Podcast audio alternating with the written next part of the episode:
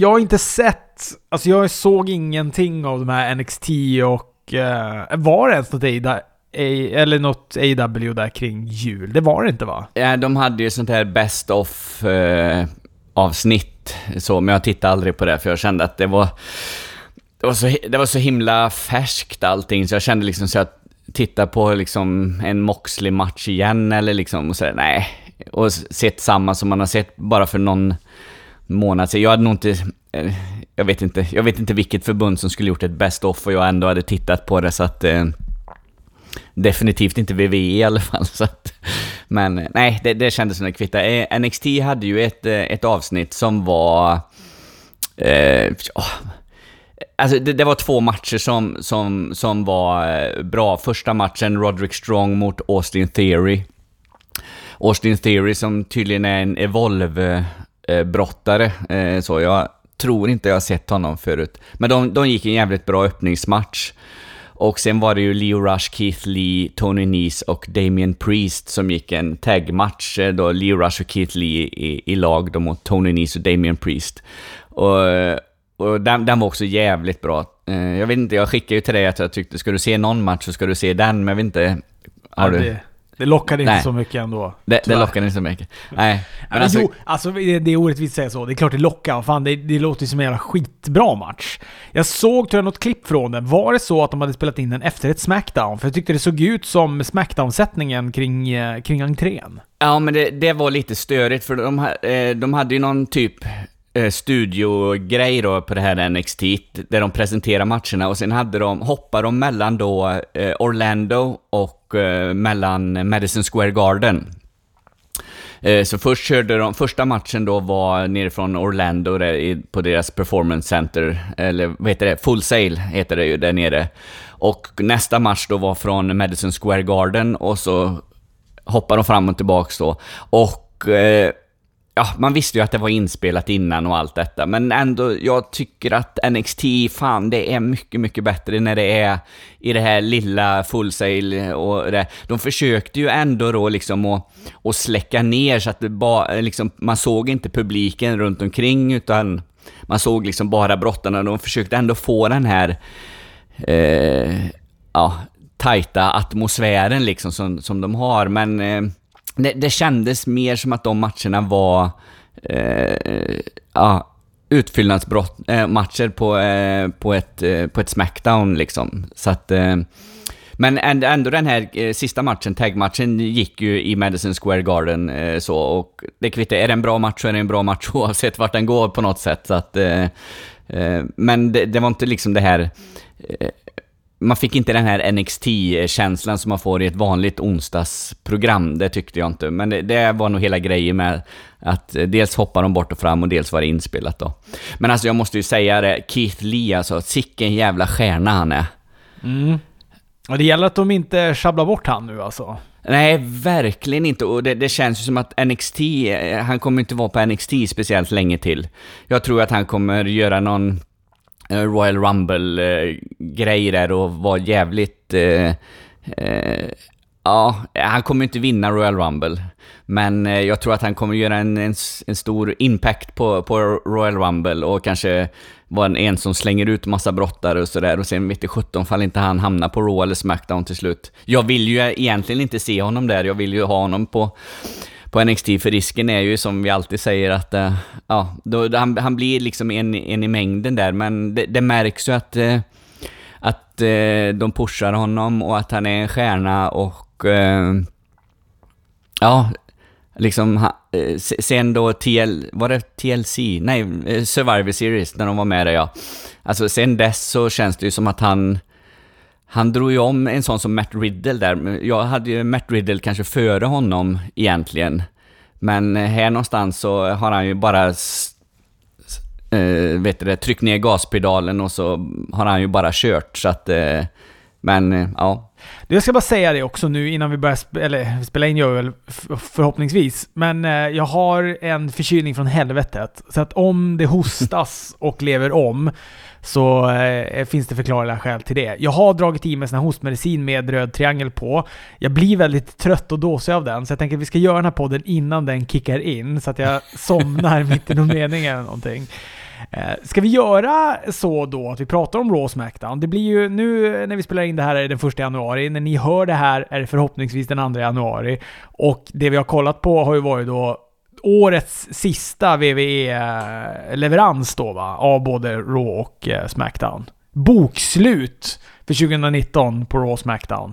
Jag måste nog ändå eh, säga lite, lite, lite, lite kort om det julavsnittet på, på Raw där, för det, det hänger lite ihop med vad som hände på Raw eh, nu i, i måndags då. Eh, och det var ju att de började redan där teasa då om Samoa Joes eh in-ring comeback, och vilket eh, gjorde för mig det här julavsnittet, eh, avslutningen på det blev väldigt bra och det kändes som att ja, jag var sugen liksom på att se nästa avsnitt då, det som var nu i måndags då, trots att de hade Lana Wedding som höjdpunkt på, oh, på, det, på det då. Men, men det, det, var, det var himla... Det, det, var, det var 30 minuter Fredrik. Det var 30 minuter det där jävla bröllopet. Alltså, ja, har du varit med om något jävla sämre Eller ja, det har vi väl kanske varit, men fan vad det var dåligt alltså. Det var riktigt, riktigt uselt det här bröllopet. Det... 30 minuter bröllop. Ja, det, det, var många grejer där som var... Fast jag, ändå satt jag... Alltså det, det, var så, det var så dåligt så jag liksom satt och skrattade åt det, för det... Alltså när, när, när Lana och de och Bobby där hånglar upp varandra och sen vet jag inte vad som händer men hela hennes sminkning blir ju helt och jag vet, jag vet inte ifall det blir fel, för det ser ut som Bobby Lashley försöker liksom, ja ah, men du, du, du har lite i pannan där, och, och hon liksom försöker smeta ut det här, ja ah, gud alltså. ja. Ja, det, var, det, det fanns någon sekvens efter att hon hade typ, äh, haft ett slaggis med, äh, ja men det är väl med Liv Morgan i slutet där då. De liksom har, håret bara står åt ett håll, hon är helt söndersliten brudklänning och så bara okej. Okay nu gör vi det här. De bara vill bara få den här skiten gjord nu. Då, då skrattade jag till. Det var väl en nanosekund av de 30 minuterna som jag var tvungen att utstå med det där. Ja. Vi kan prata om det mer när vi kommer dit. Va, va, va, hur slutade då det där? För jag såg inte julepisoden av Raw. Hur slutade den? Ja, nej men den, den slutar ju då med att... Eh, jag ska bara ta fram det så att jag inte säger fel. Jo, men just slutade den med att AUP va, gav sig på Samoa Joe? Så slutade den ja. Ja, precis. Och det, alltså, Drog han genom bordet och sådär. Precis, och den här alltså Kevin Owens och Seth Rollins-grejen, alltså jag är helt såld på den nu. Eh, både efter julavsnittet och eh, efter nu senaste Raw. Eh, och så tillsammans med Samoa Joe och allt detta. Jag är, jag är helt såld. Jag tycker... Jag var lite tveksam till Seth Rollins och, och det. Du var, var, kanske med på tåget lite mer än vad jag var, men äh, nu har jag köpt det helt alltså. Och Kevin Owens Ja, äh, helt fantastisk. Fan vad bra han är när han eh, får eh, snacka och eh, även brottas då liksom. Så att, eh, men precis som du sa, eh, de ger sig på... Eh, Samoa Joe, han vägrar ju liksom flytta sig från kommentatorsbordet där och eh, de ger sig på honom och sådär då. Och det teasar ju då lite om, om vad som komma skall då, så att säga. Mm. Jag vet att jag var ju däremot... Seth Rollins-tåget har jag varit med på att han är heel och sådär. Det är jag helt okej okay med. Men jag var ju lite mer tveksam till hur jag skulle acceptera Samoa Joe som good guy. För att det kändes väldigt apart. Men eh, efter nu senast Raw så är jag helt okej okay med det. Han är jättebra som face, mm. Samoa Joe. Det, det, det, tänker man inte riktigt att han skulle kunna vara. Men han är jättebra som face. Ja, precis. Nej, men det här sög tag i mig direkt liksom. Jag behövde inte ens fundera på att nej men det här, det här vill jag se. Det här, ja. Så att det, det ska bli spännande att se eh, hur de ska sänka den här skutan, VV. Men ska vi börja prata med Smackdown nu och den här triple threat main eventet som startade tror jag tre gånger innan vi då slutligen fick, eh, fick se det. Eh, jag pratar ju då givetvis om trippelträffen om, eh, som skulle då avgöra om vem som ska få möta The Fiend på Royal Rumble, om universaltiteln. Vi har då alltså Daniel Bryan, som eh, The Fiend har slitit håret av, som känns som det enda självklara upplägget. Vi har The Miss, som förlorade mot Bray Wyatt. Och eh, känns som ett väldigt eh, hafsigt upplägg. Och sen har vi Baron Corbin som mm. känns fruktansvärt apart. Han är liksom uppge, upplägg med eh, Roman Reigns. Han är inte ens i närheten av The Fiend. Så vad han gör i den här trippelträtten, det har jag ingen som helst aning om. Nej, men det är väl bara för liksom att han och, och Roman ska kunna eh, kunna eh, bygga mot någon match framåt Royal, Royal Rumble liksom, att de förstör för varandra och det var ju typ det som hände nu liksom, att Roman Reigns kom in. Så att det, det är väl enda anledningen till att de har skohornat in honom där för att för att kickstarta den faden, eller kickstarta, den har väl hållit på eh, ett tag i och för sig, så att... Mm. Mm. Ja, men den, den, ska ju då börja den här matchen i alla fall. Det gör den inte, för att Roman Reigns kommer in från ingenstans va, och börjar slåss med, med uh, Baron Corbin. Mm. Och uh, sen så får de då blåsa av den här matchen. Och istället, som första match får vi då New Day och Braun Strowman mot Cesaro, Shinsuke Nakamura och Sami Zayn. Det gör mig så jävla glad att Sami Zayn var med i den här matchen. För jag, och när de presenterade alla tre så var jag så här: okej, okay, men vem är det den tredje då? För jag, du vet, det har varit så mycket skador kring Sami Zayn och han har inte brottats någonting och man har nästan räknat bort honom. Så jag blev väldigt, väldigt glad att eh, han eh, var med här. Och han såg ut att vara vid god vigör också. Ja, men det tyckte jag. Och eh, han, han, ju, han fortsätter, även fast han brottas i den här matchen, så fortsätter han ju på sitt härliga eh, manager-hysteri eh, som han håller på med liksom. Och, och, och vråla på Nakamura och allt detta. Så att eh, han, han, kan kombinera de här två, två rollerna. Så att eh, jag är jätteglad att få se Sami Zayn eh, brottas igen. Så att eh, det, var, det, var, det var kul. Och eh, fan, det, de, de börjar också växa på mig. Cesaro eh, tycker jag börjar passa in i det här teamet också med Sami Zayn och Shinsuke Nakamura. Så jag tyckte han var lite, eh, lite offside från början där, men eh, nej, det, det finns någonting där som jag, som jag gillar. Jag gillar den här matchen svinmycket. Jag tycker också den innehöll allting. Kofi fick agera facing Peril, eh, Shinsuke Nakamura kör den här uh, New Day Rocks-takten som en sorts smisk på rumpan på, mm. på Kofi på ett väldigt förnedrande sätt. Uh, Um, ja, men Kofi lyckas få in sin SOS på Shinski. Han söker en hot tag till Strowman, men eh, Cesaro och eh, Sami Zayn sätter stopp för den. Uh, till slut så lyckas han då göra sin tag. Uh, Braun Strowman kommer in i ringen och ja, men han gör väl den där klassiska rensen. Han är i och för sig lite halvt trött på det. Det är mycket ränta runt och tackla och grejer och sånt där. Mm. Jo, det, det, blir det ju, men ändå på något sätt i den här matchen så tycker jag att det, att det, liksom, att det funkar, för det, det är ju... Det är, det är flera olika grejer liksom och då är det en del i den här matchen och då, då, då, då, köper jag det på, på något sätt. Så att det, men sen vet jag 17 fall jag köper hans dans efteråt, den kunde de väl kanske kvittat. Eller tagit bort. ja, ja, det var vad det var. Men publiken älskade det. Fan vad de gick bananas. det var också fuskslut. Det var, är väl lite tråkigt att de håller på med de där, men man, det får man väl. Han skickade väl in... Var det Sami Zayn som skickade in pannkaksfatet till Nakamura som skulle dra det i huvudet på... Mm. På någon av dem, men sen så åkte han på det själv då. Ja, precis. Så var det. Otis och Mandy, de har någon sorts puttrande kärlekshistoria de. ja. Eh, och Mandy och eh, Sonjas vänskap börjar väl krackelera lite grann, tycker jag mig se. Vi får en match i alla fall mellan Carmella och eh, Mandy. En rätt risig match som Carmella vinner på sitt egentligen enda grepp hon har, en sidekick. Ja, precis. Och hon har ju då vunnit även förra, föregående avsnitt mot eh, Sonja då. Så att hon har tagit två vinster i rad här. Det är ju också väldigt märkligt att det är Carmella som de som de satsar på. Men jag vet inte ifall det är någon grej att att de kör att ja men du var ju inte med mig inne därför förlorar jag. Jag vet inte ifall det är den grejen men... Ja det känns som att det är mer ett spel mellan Mandy Rose och Sonja Deville än vad det är mellan... Än, än att det är att Carmella ska få någon push. Men man vet aldrig med Carmella. Ja. Jag har ju helt tappat det när det gäller henne. Förut så, så liksom såg jag någon sorts glimtar av, eh, av att hon ändå skulle kunna... Men du, hon har haft för mycket tid på sig. Hon kan fortfarande bara göra en sidekick. Mm. Alltså där någonstans går mitt tålamod, tar mitt tålamod också slut.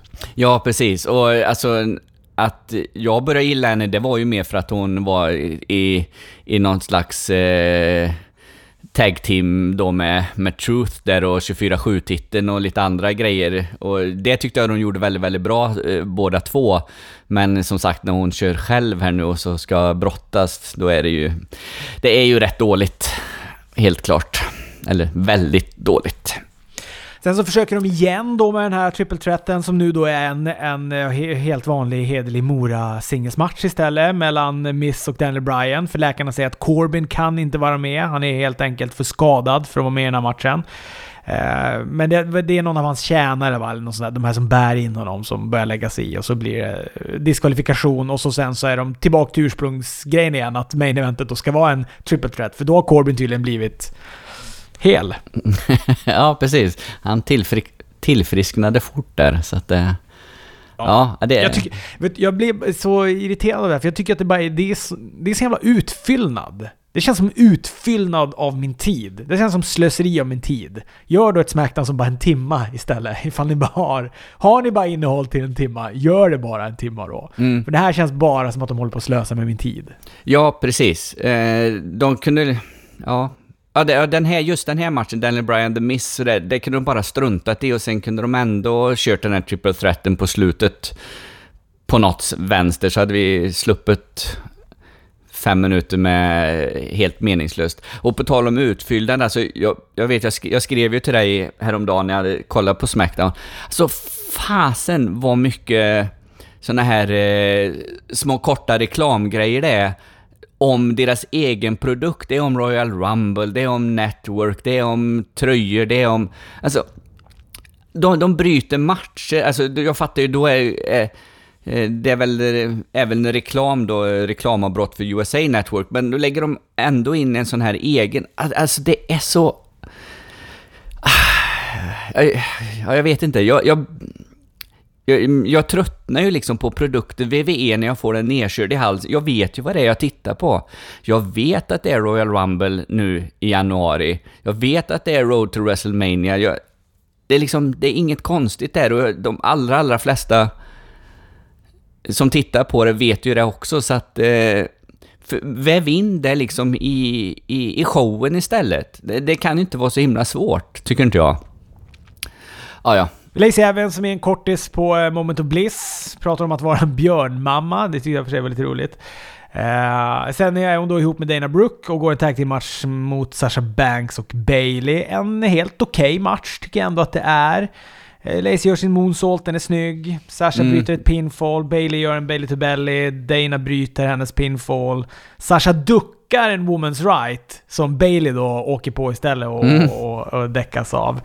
Eh, och så försöker hon då lugga Banks, eller Dana försöker då lugga Banks med en schoolboy som Banks vänder till en Banks statement och Dana tappar ut. Ja, men jag tyckte det här var, det här var en bra, det var en helt okej okay match. Jo men den, den var bra, och som du sa, Lacey Evans eh, Step Up Moonsault, den är svinsnygg är den.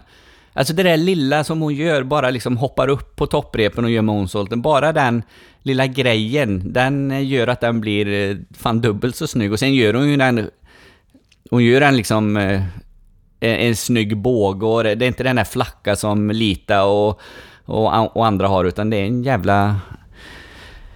Jädra snygg är den. Ja. Mm. Sen vet man ju inte, jag var lite när hon då duckade, när Sasha Banks duckade den här uh, Women's Righten och Bale åkte på den, då blev jag lite såhär, aha, okej, okay. kommer det här bli någon grej nu?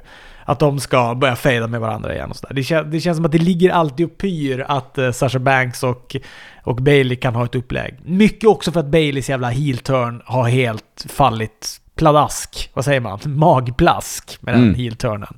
Den har ju inte funkat alls, så det känns som att de kommer göra någonting med henne och då kommer de ta tillbaka henne till face igen. Ja, precis. Eh, jag vet inte, jag kommer, nu, jag kommer inte ihåg vilket program det var, men Elias var ju med i ett av programmen och började och, och köra en, en eh, liten trudelutt på sin gitarr. Eh, och då sjung... Det var väl introt till Smackdown va? Ja, det kanske det var. Och ja, just det, ja men det var det ju. Det var ju detta Smackdown. Och så sjunger han då en massa saker som har gått fel, så bland annat Baileys haircut tyckte jag var, tyckte jag var roligt. Och äh, även Bobby och Lanas äh, bröllop fick ju sig en liten liten känga, äh, tyckte jag allt. Så att det, är lite, det är lite kul när de kan vara lite självkritiska också ibland eller sådär. Eller skjuta lite på sin egen produkt. Det, det tycker jag är...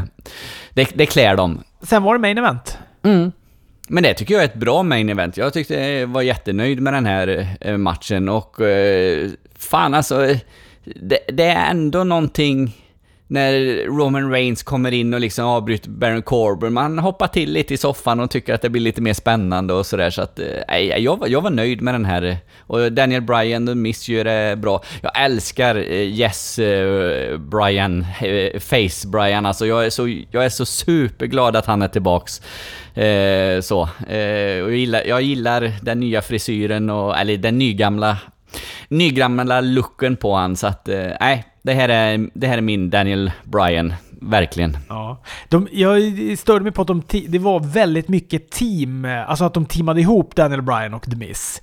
Det är ju verkligen, alltså jag eh, fick du vet kalla kårar och började tänka, tänk om de skulle börja försöka göra någon sorts tag team av de här nu. jag kan inte tänka mig något mer uselt tag team än Daniel Bryan och The Miz. Alltså mm. allt Daniel Bryan gör snyggt gör ju The Miz uselt. Alltså allt. Man kan ju mm. se han gör du vet sparkarna eller knäna och sådana grejer. Och sen kommer The Miz efteråt och man bara, ja ah, just det. Så där kan det också se ut när, när någon, en amatör gör. ja, ja. ja. Ja, men det, jag, jag håller väl ändå med. Jag tycker, den var lite lång, men, men den hade ändå sina ljusglimtar här. The Miss gjorde något knähopp från topprepet va, som mer såg ut som ett folkdans än vad det såg ut som ett fräckt wrestlinggrepp. och, ja. Och så fick han väl in, han var väl länge in, intrasslad i en figure four där, Danny Bryan, som han sen då lyckas vända till ett Jess Lock. Och så tappar Miss äntligen ut. Och Daniel Bryan mot uh, The Fiend, som typ egentligen har varit det självklara uh, upplägget då, kommer att vara matchen på Royal Rumble. Ja. Bray Wyatt dyker upp på skärmen sen också och gratulerar Daniel Bryan. Precis. Ja, ett Smackdown under snittet skulle jag säga ändå att det här var. Två matcher typ. Kändes som att det var två bra matcher, en okej, okay, slutet okej okay, men inte mer. Och sen så var det utfyllnad. Ja, det är väldigt, väldigt mycket utfyllnad det. Så att det. Mm. Raw då. Detta sista Raw för det här året årtiondet. Jag har inte riktigt fattat, eh, alltså det slog mig bara häromdagen, och fan, vi byter ju årtionde nu, det har liksom inte gått upp för mig att eh, vi går från 10-tal till 20-tal nu på på något sätt. Hur ehm. kan du ha missat? Det är inte Instagram är fyllt av folk som visar sina bilder från ett decennium. Ja, men det, liksom, det, det har inte varit en, en stor grej i, i, i, min värld. Men nu är det så. Nu är vi inne på 20-talet och detta var det sista Raw på, på 10-talet. Eh, och eh, jag tycker att de avslutar, eh, jag tycker de avslutar bra. Jag är, jag är nöjd när jag har sett det här Raw-avsnittet. Det det är liksom, ja, Visst, Lanas Wedding, 30 minuter, men det, det var en del bra matcher fram till det och... Eh, mm. Men alltså, hade de bara skitit i bröllopet, eller om de hade haft det bröllopet fem minuter i starten, då hade jag nog kunnat köpa det här. Men du vet när man lämnar hela Raw med den där jävla smaken i munnen. För ah, det är som du säger, andra grejer, jag älskar, vi har ju varit inne på Samoa tidigare här då. Och jag älskar han som face när han kommer in och hjälper ehm, Kevin Owens där i starten också mot AOP och Seth, Roll, äh, Seth Rollins hur bra som helst. Jag köper han som face, han ser stentuff ut. Vi får matchen Alistair Black Buddy Murphy, som är ta mig fan typ en av de bästa matcherna jag sett. Jag tycker den var så jävla... Och skönt att Alistair Black nu är tillbaka i sina rätta färger. Och rätt jacka också, så att han har hängt bort de här äh, ormarna i guld eller vad fan han höll på med äh, innan. Nej, jag, jag, tyckte det var, jag tyckte det var en svinbra match mellan Alistair Black och, äh, och Buddy Murphy. Mm. Fan, han gör, den här Shining Wizard han gör i tinningen på Buddy Murphy, den är så jäkla snygg. Följer upp med en moonsault som också ser okult ut. Alltså han ser korsfäst ut i hänget. Bara det är ju så jävla grymt med Mr. Black. Ja. ja jag, jag gillar slutet när han först gör en Black Mass som, jag vet inte fall han... Jag vet inte fall det är meningen att han ska göra två Black Mass, men den första Black Mass han gör, den ser ju ut som att den träffar lite halvdåligt. Och då hänger han liksom upp Buddy Murphys huvud på sin fot och liksom väntar du bara, du ska få en till och så gör han en jävla picture perfect black mass som, som sänker honom. Det kanske var avslutet att det skulle vara så, men eh, ja, skitsnyggt var det i alla fall. Jag älskade det. Ja, men det är svincoolt när han låter huvudet vila sådär på, på vristen på foten. Eller att han Mm. som fiskar upp huvudet igen. Här, lyfter upp det igen för att han gör sin Black Mass. Han har gjort det vid något tidigare tillfälle också. Jag tycker det är skitsnyggt. Mm. Buddy Murphy försöker också göra fulpin där han har fötterna på repet. Och han har alltså fötterna på repet högst upp. Jag undrar om det är svårare att ta sig ur en pin när man fuskar med fötterna på repet. Ju högre upp man, man kommer med fötterna. Han låg nästan raklång, Ja. 90 grader rakt upp Buddy Murphy när han gjorde den där fuskpinnen. Jag funderar på om det har någon effekt överhuvudtaget egentligen.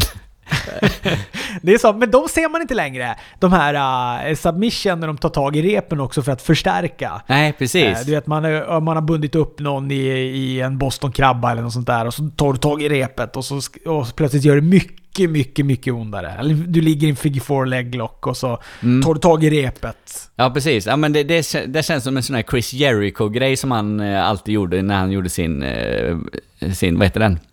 Walls of Jericho till exempel. Ja, Ja, och Razor Ramon är du på, nu kommer jag inte ihåg vad den heter. Är det Abdominal Stretch? Eller vad heter den, den här när han, som Hoa kallar parabolantennen? du vet när han, han liksom håller upp någon, jag tror jag är en abdominal, abdominal stretch, det är så man säger.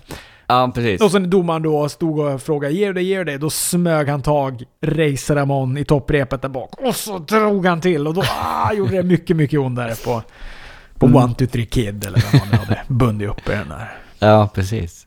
Nej, men som du sa, en jävligt bra match där med Alistair Black och Buddy Murphy. Eh, Får vi se ifall det var sista matchen de går på ett tag eller ifall det fortsätter den här. Men det, det kändes ju liksom som att han på något sätt avgjorde det här nu, Alistair Black, att- i och med att han, att han vann här. Men vi får väl se. Eh, Eric Rowan vet jag inte vad han håller på med riktigt. Eh, det är jävla märkligt det här. Eh, dels den här buren han har och nu fick han ett psykbryt på Lana där för att han inte var bjuden på bröllopet. Det känns ju inte som att han är någon som ändå vill gå på ett bröllop liksom. Eh, så att, ja, jag vet inte. Det känns också som att devalvera den karaktären lite grann. Mm, Varför- Låt han stryka omkring med den här buren istället och den här jävla... Och, och nu börjar de snart ta det för långt också. De måste börja avslöja det där. För annars vänder man sig emot det där och bara jag bryr mig inte. Jag, jag, jag tänker inte ens titta ifall du tar av filten från den där buren. För så ointre- ointresserad har jag blivit. mm. Alltså, de får passa sig innan de slår om dit.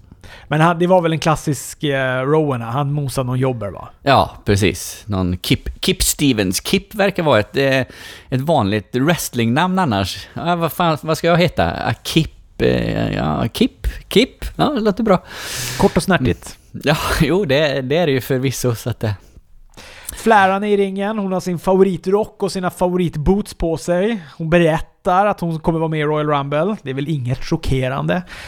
Nej, inte direkt. Och att hon också utmanar vem som helst där bak till en match. Och vem kommer in Fredrik? Gråterskan Natalia kommer in. ja, ah, fan jag blev lite förvånad när hon kom in alltså. Så att, eh, men det, det, är så, det är så himla dumt när de gör de här... Nu, det har inte med att det var Nat just Natalia, utan över, överlag när de gör de här Open Challenge, eller det var väl knappt en Open Challenge detta eh, ändå, men när det ska liksom komma en liten överraskning och så kommer det någon som hon har mött hundra gånger liksom. Det, det, är ingen... Det, eh, ingen bryr sig liksom. Men det gör heller ingen tjänst till Natalia. För att när man säger sådär, jag utmanar vem som helst. Då tänker man ju, okej är det Shayna Baszler som kommer nu? Eller vad är det för någon spännande ny som... Eller du vet, jag, här börjar jag tänka, okej, nu kommer Liv Morgan. Mm. Eh, eller du vet, någon sån här som man... Eller Ruby Riot kanske gör comeback. Någon som man inte har sett sådär. Och det är klart, nu kanske det var ett tag sedan vi, vi såg Natalia, men hon har liksom inte riktigt den... Hon har inte det stjärnstoftet över sig så att hon kan bära upp och vara en sån som kommer in och ska, ska orsaka pops för att hon antar en sån här... eh, Vem, ja, jag utmanar vem som helst där bak. Mm. Det blir ju ett antiklimax och tyvärr så faller ju det bara negativt på Natalia själv. Ja, precis. Det här är ju alltså en helt okej match, får jag ändå säga. Den blir ju förstörd av eh, 24-7-buskis, givetvis, av någon anledning. Men eh, ja, Natalia hon, eh, hon försöker vända en figure four till en sharpshooter. Fläran med en big boot. Får in sin figure four, eller heter den figure eight kanske när hon står i brygga samtidigt som hon gör den där. Ja. Ja, det heter det. Bryggan är ta mig fan perfekt när hon står i den i alla fall. Mm, Precis. Det snyggaste på hela matchen, det var ju den big booten och gav på Eric Young. Jävlar, det bara sjunga till i pallet på han så... Ja, nej men det som du säger, det, det var liksom... Det, det, var en helt okej okay match. Det, det, var inget, inget uh, fel på den så. Det är bara att det blir, uh, som sagt, ett antiklimax när man förväntar sig något annat än en, en parning som man liksom har sett mängder med gånger redan. Sen händer det grejer. OC kommer in i ringen.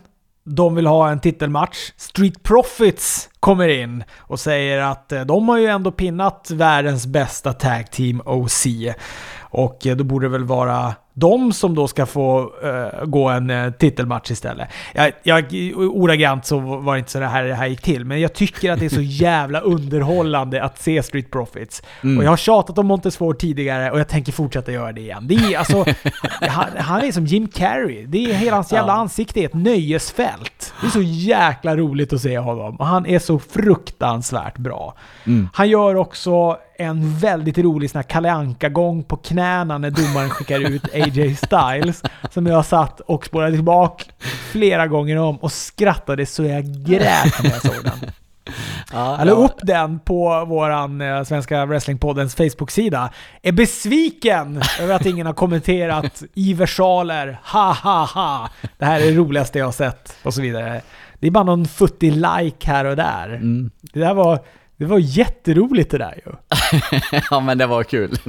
det var jätteroligt. Jag hade ju inte sett den, du skickade ju det till mig eh, på Insta, eller på Messenger, att du hade lagt upp den där och då hade inte jag sett färdigt på, eh, på Raw. Så att jag blev lite spoilad där, men eh, strunt samma, det var ju oerhört underhållande. Men det, alltså det kanske mest underhållande var ju linen som vi har varit inne på förut, att eh, ni har ett namn efter en eh, teenage, eh, eller en ungdomsserie från eh, när nu The OC gick. Det, det tyckte jag var himla...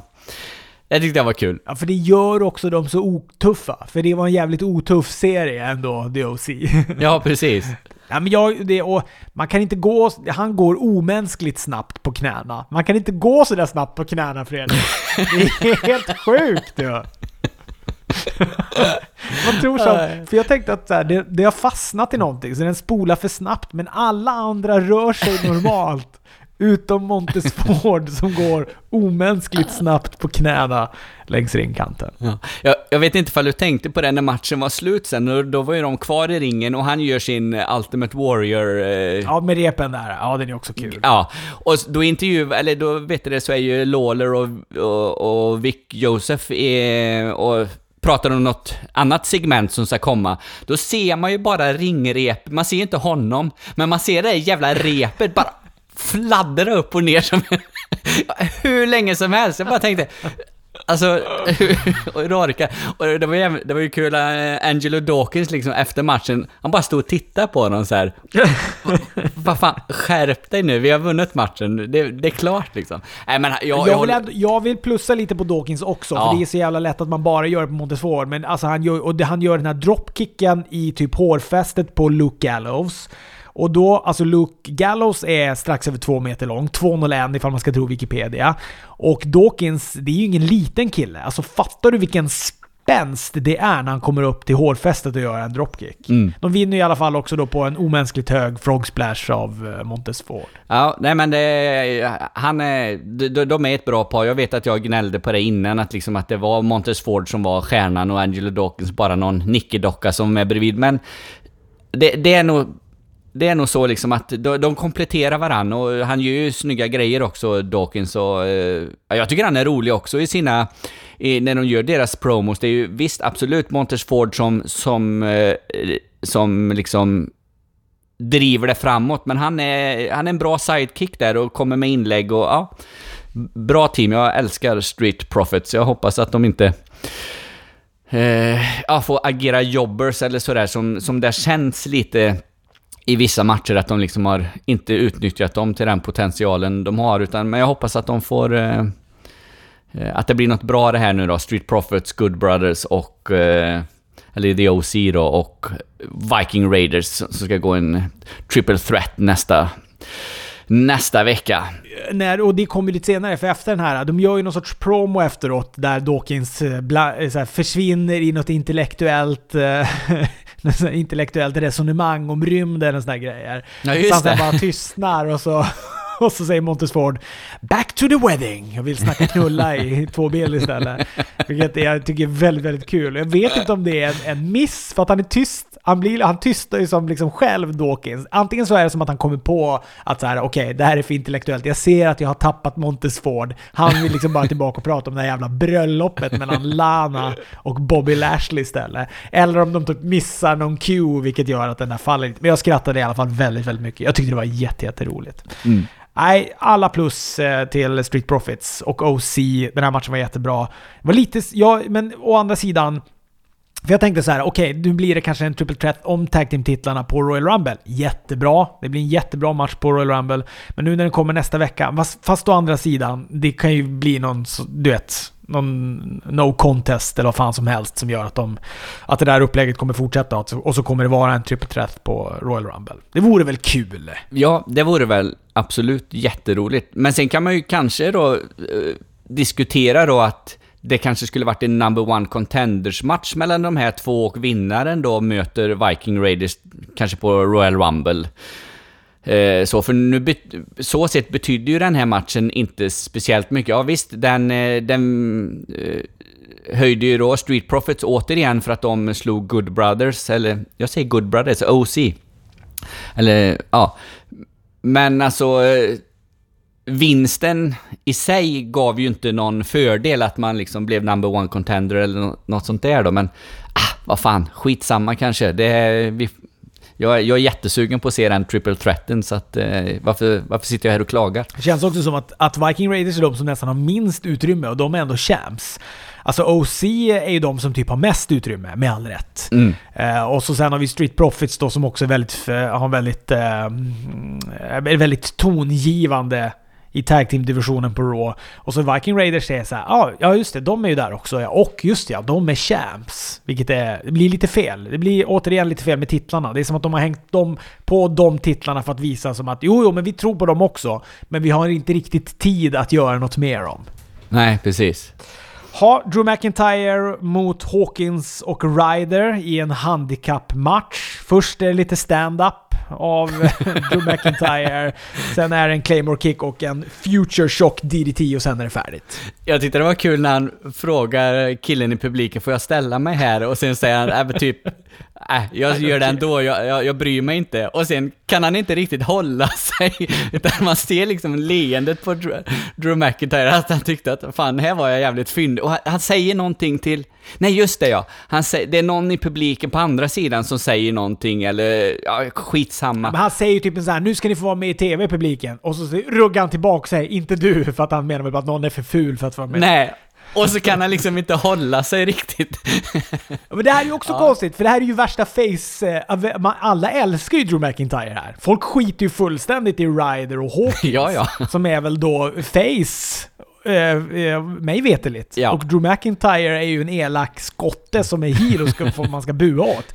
Men här kommer han in och är liksom lite Johan Glans och, och så här charmig och rolig och, och också svinbra, vilket gör att man bara älskar honom. Så ja, det är... Jag vet inte. Är han face nu eller är han heel fortfarande? Eller? Ja, Ja. vi får se nästa vecka. Ja, tanken är väl nog att han ska vara heel, men visst har det ryktats som en face-vändning också. Eh, Jag för mig att jag har hört de ryktena i alla fall, men eh, det är ju ja, det är lite, lite tveksamt här. Men kul är han, Claymore-kicken är skitsnygg eh, och han skickar Hawkins och Ryder rätt ut i omklädningsrummet igen, så att det... Det var, väl, det var väl bra ändå. Ett bra litet segment i alla fall. Mm. Sen är det två grejer som följer.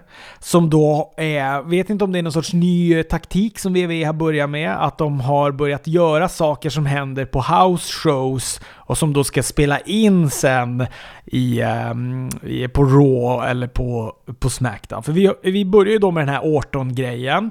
Någonting som jag gick på, eh, såg bilder från någon på Twitter som hade lagt ut “Kolla Orton, Randy Orton skadar sig”.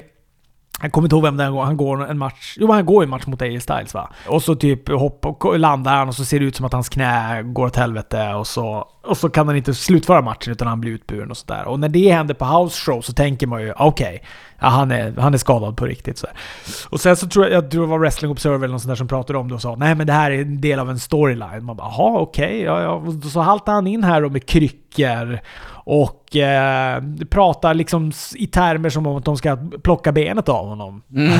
jag vet inte om jag kommer kunna gå någonsin igen. Uh, han kommer jag någonsin kunna komma tillbaka? Han tar fram namn som Edge som fick avsluta hela sin karriär då för nackskadan och såna här grejer. Mm.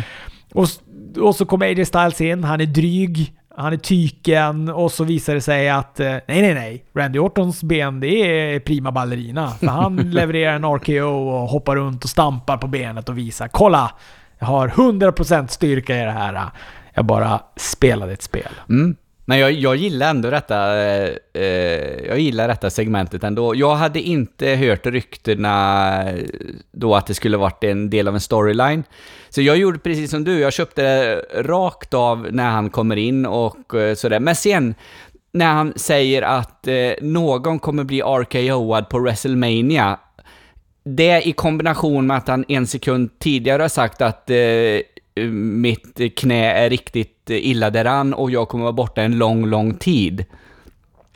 Det börjar jag ana lite, lite ugglor i mossen så att säga och... Eh, men jag, eh, jag, jag ändå älskar när han eh, sa I don't, eh, I don't have any patience, eller jag har inget tålamod och eh, så fick AJ Styles sin RKO det så att... Eh, jag, gillar, jag gillar hela grejen för att de lurar mig och sen kände jag ändå någonstans i mitten där att, ah men fan, han kanske inte är skadad i alla fall och jag vill inte att Randy Orton ska vara skadad. Så på grund av det så blev jag nöjd och glad och så fick jag se en RKO. Så att eh, på det stora hela så, eh, tummarna upp från min del. Mm. Ja, och det, det, ska inte finnas något tvivel från min sida heller. Jag älskade, älskade det här. Jag tyckte det var jätte, jättebra genomfört.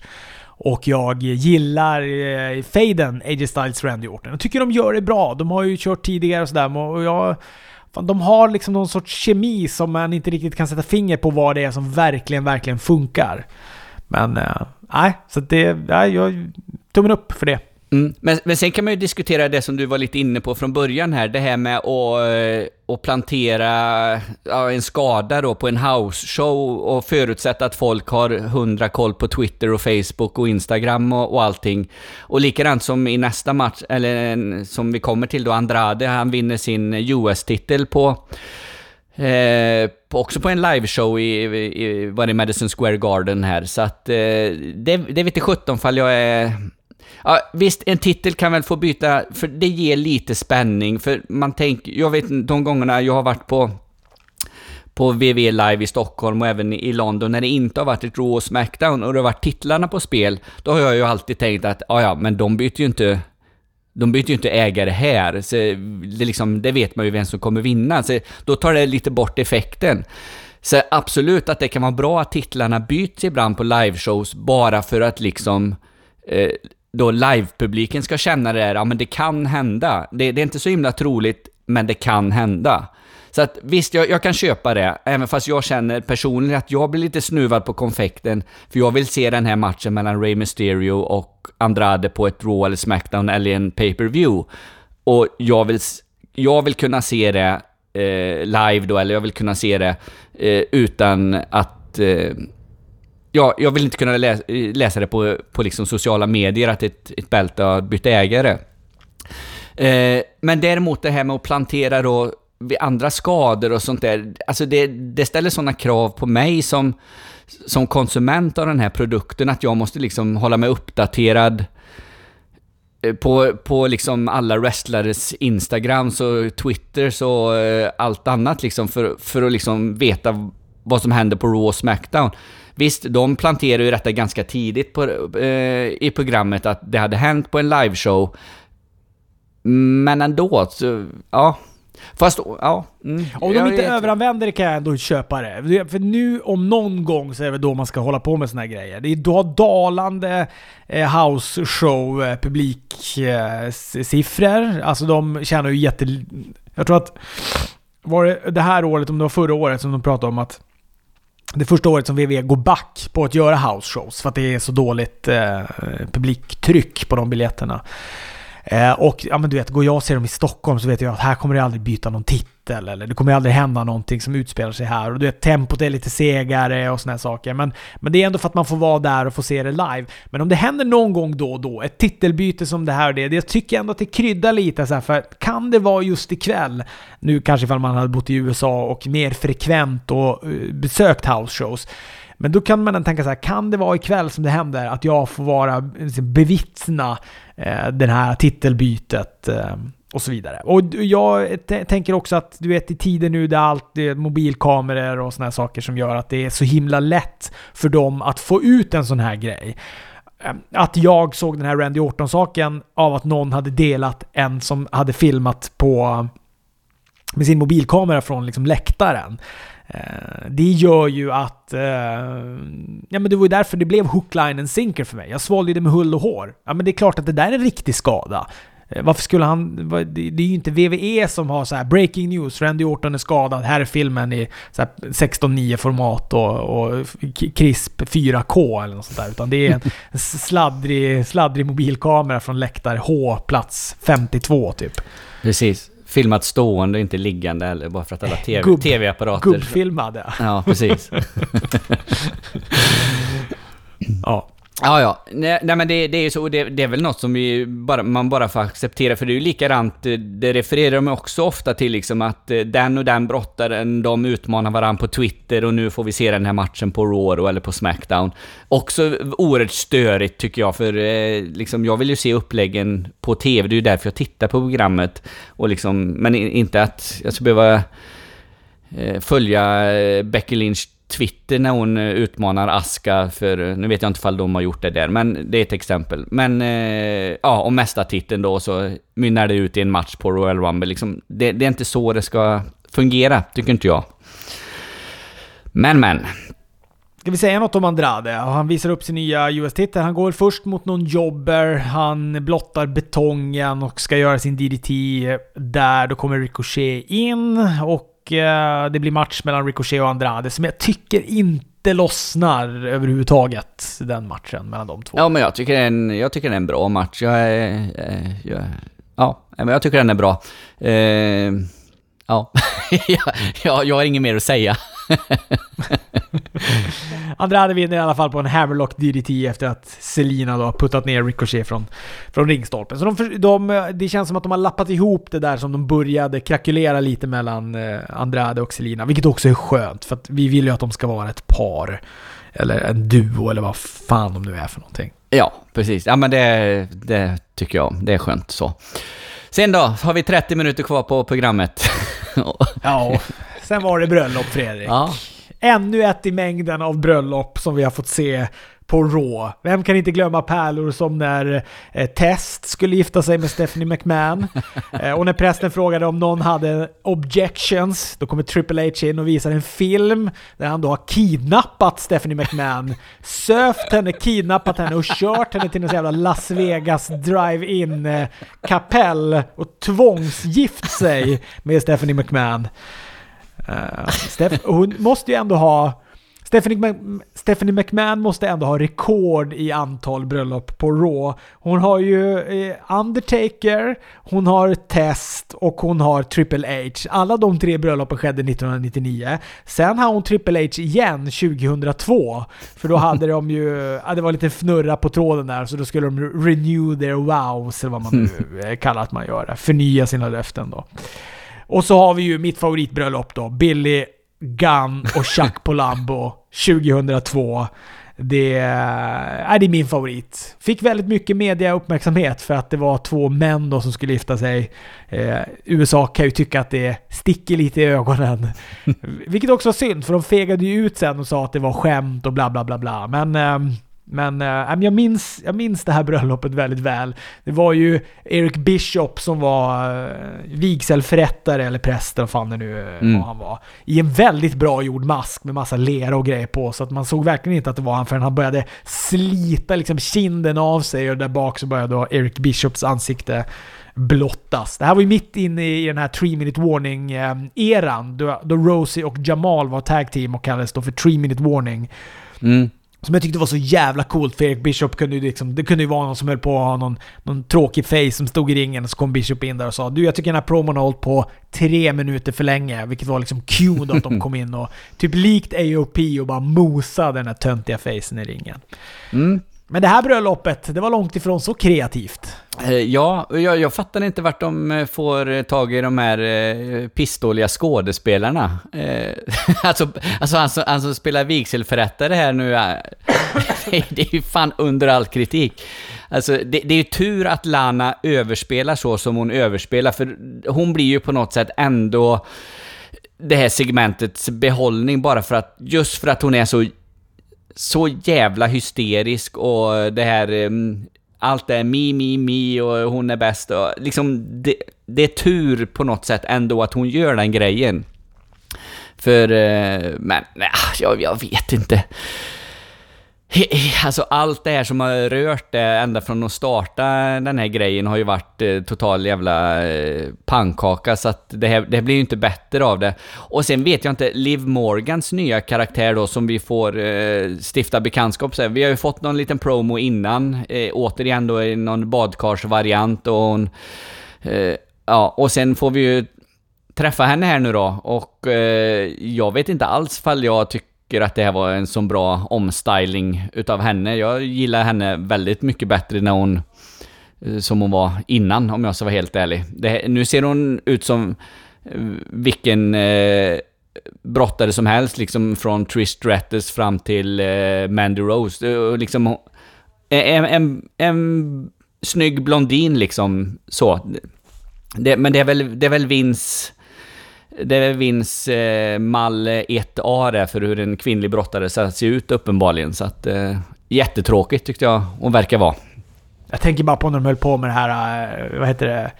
HLA, Hot Lesbian Action, eller vad fan det nu var, som de höll på att gapa om hela tiden. Mm. Ja, men alltså, så jävla... Ja. Alltså det, det beror ju på helt eh, hur de, hur de gör det. Liksom, gör de den vinkeln att, liksom, att det är, som du säger, hot lesbian action och det är något som eh, Vince McMahon har ståfräs av ute i Gorilla Position, då är det inte så jävla fräscht. Men alltså gör de en, en, eh, en, en lesbisk vinkel på det för att liksom framhäva att det, det här är ett ideal som är 2020 liksom. Det är, det är inget konstigt med det. Ja, men då kan jag ju liksom köpa det. Men antagligen så blir det ganska pajigt. Ja, och så blir jag lite så här. de började ju ändå med den här vinkeln med en tjej som också uttalat är lesbisk, Sonja Deville och Mandy Rose. De börjar ju hålla på med någon, alltså de börjar ju eh, tisa om att det fanns liksom en, en relation, alltså mer än en vänskap mellan dem. Mm. Ehm, och så sen så bara, du vet, slopar man det och så tar man tillbaka Liv Morgan och så ska hon vara eh, lesbisk och som mig veterligt då inte är det. Och jag kan också tycka att det blir lite så här. Ah, ja, fast då kanske man kan gå med Sonja Deville som då inte behöver spela en karaktär utan att hon faktiskt är lesbisk och är med på Total Divas och man har fått träffa hennes flickvän och såna här saker. Eh, Jag för mig att hon twittrade ut något syrligt om det här också efter Jag försökte hitta den här samtidigt som vi pratade men eh, misslyckades med det. Så att, eh, men men jag fattar det som att hon... Det stack lite i ögonen på henne att de la det här på Liv Morgan istället. Ja, precis. Och sen verkar det som att Liv Morgan och då Rusev är något, eh, något par, eller... Ja men det ska väl vara någon jävla intergender tag team match nu mellan de här två. Ja, gud. Det, och så, så långt hade jag inte ens tänkt. Nu fick jag lite kräks i munnen när du sa det. Uh, fy, vad hemskt. 2020. Välkommen. Eh, Robert, jag skulle, innan vi avslutar det här avsnittet så skulle jag vilja att vi bara pratar lite om det som kommer vara i helgen. Och då menar jag inte att du har fått en julklapp utav din fru och ska åka till Göteborg, utan eh, eh, det är ju Wrestle Kingdom. Jag försöker förtränga det för jag står mig på att jag inte kommer kunna se det live. Men ja visst, vad är det du vill prata om då? Det kommer vara hur jävla bra som helst förmodligen. Ja, ja, men jag vill prata om matchkortet och en del lite spännande grejer. där. Jag ska googla upp det bara så att jag har det framför mig. Det, är alltså, det, det är ju det är två dagar eh, det handlar om som är själva Wrestle Kingdom och sen har de ju den här någon fallout-historia efter då. Men alltså om man bara tar de här Wrestle Kingdom-dagarna då så får vi ju då bland annat den här fantastiska matchen, tror jag. Eh, en Texas Death Match mellan Lance Archer och John Moxley. Ja, den kan bli... Den kan bli mycket death. Ja, det kan bli mycket death i den. Sen har vi ju hela det här väldigt, väldigt spännande om eh, alla interkontinentaltitlarna då och heavyweight-titeln med Jay White, Naito, Okada och Ibushi som liksom ska mynna ut i... Ja, de går väl... Jay White och Naito möter varandra om interkontinental... Om. Ja, och sen Okada, Ibushi om då... Eh, heavyweight. Ja, precis. Dag ett. Och sen dag två så möts då vinnarna om båda titlarna. Eh, som då main event på, eh, eh, på Wrestle Kingdom. Alltså, sicket fantastiskt häftigt upplägg, skulle jag vilja säga. Och vad sa vi då? Vilka är det som börjar? Jay White, Tanahashi, var det så? Nej, Tetsuya Naito. Naito. Naito, just det. Okej. Okay. Jay White, Naito. Och så sen då, för då kan det inte bli en... Eh, det kan inte bli Ibushi mot Okada, titel mot titel då i slutet. För det var Nej. inte... Det, eller ja, det kan ju för sig bli... Jag, jag tänker att, Oka, att, uh, att Ibushi kommer stå med båda titlarna i slutet här. Men, men ja, det kan han ju fortfarande göra om han då vinner mot Okada. Uh, ja, precis. Jag, och möter någon av de andra. Nu har ju inte jag följt New Japan alls under hösten här, så det här är liksom bara vilda, vilda gissningar och spekulationer. Men jag trodde ju liksom att, att det var Kota Ibushis tid nu att vinna detta. Och då är det ju liksom, då ska han ju vinna mot Okada eh, första dagen och sen då möta antingen Jay White eller Naito andra dagen. Men är det Ibushi White vi kommer få se i finalen då kanske? Möjligen. White vinner mot, mot Naito och eh, Ibushi mot Okada och sen står Ibushi där som, som segrare med båda bältena. Det vore ju rätt häftigt. Ja, eller Jay White. ja, jag vet ju att du, att du hemskt gärna vill ha Jay White där, så att... Eh, ja. Nej, men det kommer bli svinbra. Och sen är det väl också den här uh, Jericho, uh, Jericho mot uh, Tanahashi, va? Ja, precis. Och det är också en, en häftig, eller lite spännande stipulation eh, där då, att vinner då Tanahashi så får han en framtida match om eh, AWs mästarbälte mot Jericho då. Och det här sätter ju igång ett jävla bubblande bland folk som då tänker att det här finns något sorts samarbete nu då. Äntligen mellan New Japan Pro Wrestling och AW. New Japan som också har blivit av med sitt enda TV-kontrakt de har i USA. Eh, Access, är det så man säger? AXS. Mm. Har ju lagt ner New Japan Pro Wrestling från och med omedelbums tror jag. Eh, att sända det i USA. Så de har ju inte... De ska lanseras i USA med sitt New Japan Pro Wrestling America. Men de har in, nu, finns de, nu kan man inte ens se på dem i USA. Nu är det bara då via deras egna eh, streamingtjänst. Ja, precis. Ja, nej men det är det som blir spännande. Eh, Yoshin Thunderlage går ju även sin... Eh, han ska väl avsluta sin karriär här. Han går en re retirement match, men det är ju tyvärr en tag team match om jag har fattat det hela rätt. Det tycker jag ju är ja, lite... vilket känns lite som ett antiklimax. Ja, verkligen. Jag trodde ju att, eh, att eh, han, kanske han och Minoru Suzuki skulle gå någon fejda under hösten och att, eh, att det var... Att de skulle gå en eh, retirement-match där då, så att... Eh, ja. ja. De verkar ha klarat av det där upplägget eh, på några andra galor som har varit här emellanåt. Tyvärr. Ja, nej men det blir en spännande, spännande helg med Wrestle Kingdom. Vi får se vad, vad som vad det kommer ut på andra sidan där. Mästare och eh, andra, andra grejer. Jag ska försöka hinna se det, annars får väl du bära flagg och prata om det. För jag tänker väl att vi kan väl i alla fall... Mm, ja, de här eh, högt profilerade matcherna, de vill vi ju prata om i alla fall.